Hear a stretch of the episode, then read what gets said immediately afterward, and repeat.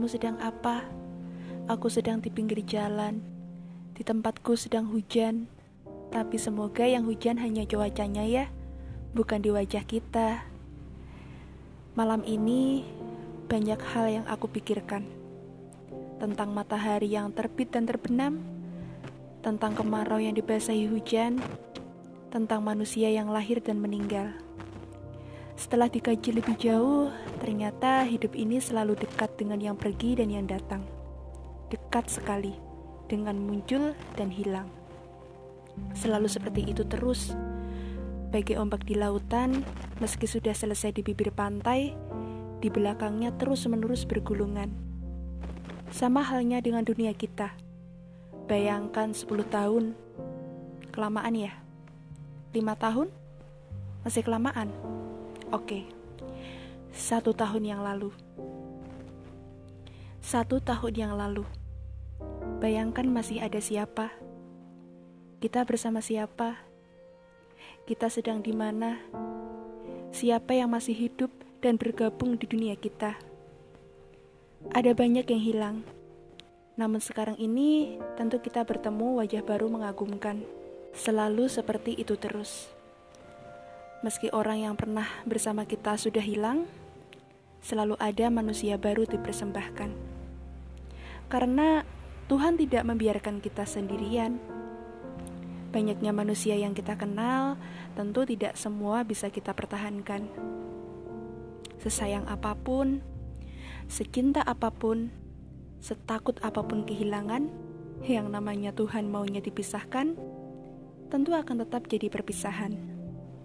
Benar, setiap manusia ini tidak terganti karena nggak ada manusia fotokopi. Tapi semesta terlalu beragam untuk kita tempati sendirian, sehingga kemungkinan ada orang baru yang datang berbeda dari yang pergi. Mungkin inilah kita jadi susah move on ya. Kita tidak mengenal kata mantan kalau sebelumnya tidak tercipta kenangan. Kita tidak mengenal kata teman kalau kita tidak kesepian. Tapi kita suka naif, hanya mengingat kenangan buruk saja dan hal lain yang menyakitkan.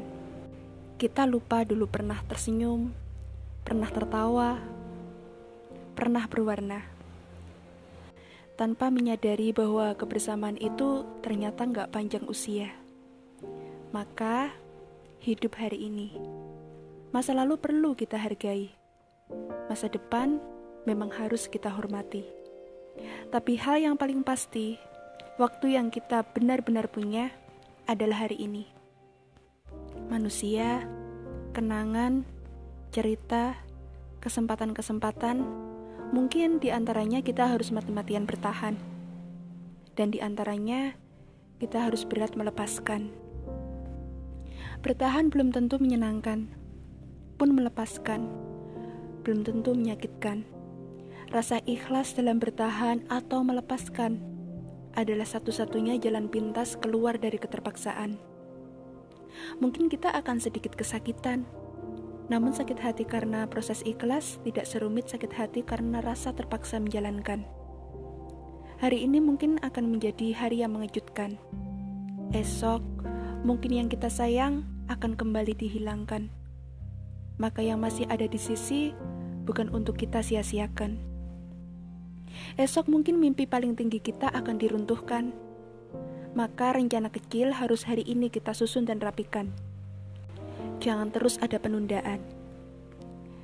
Dan esok mungkin kita terpejam dan sadar bahwa harus berhadapan dengan Tuhan.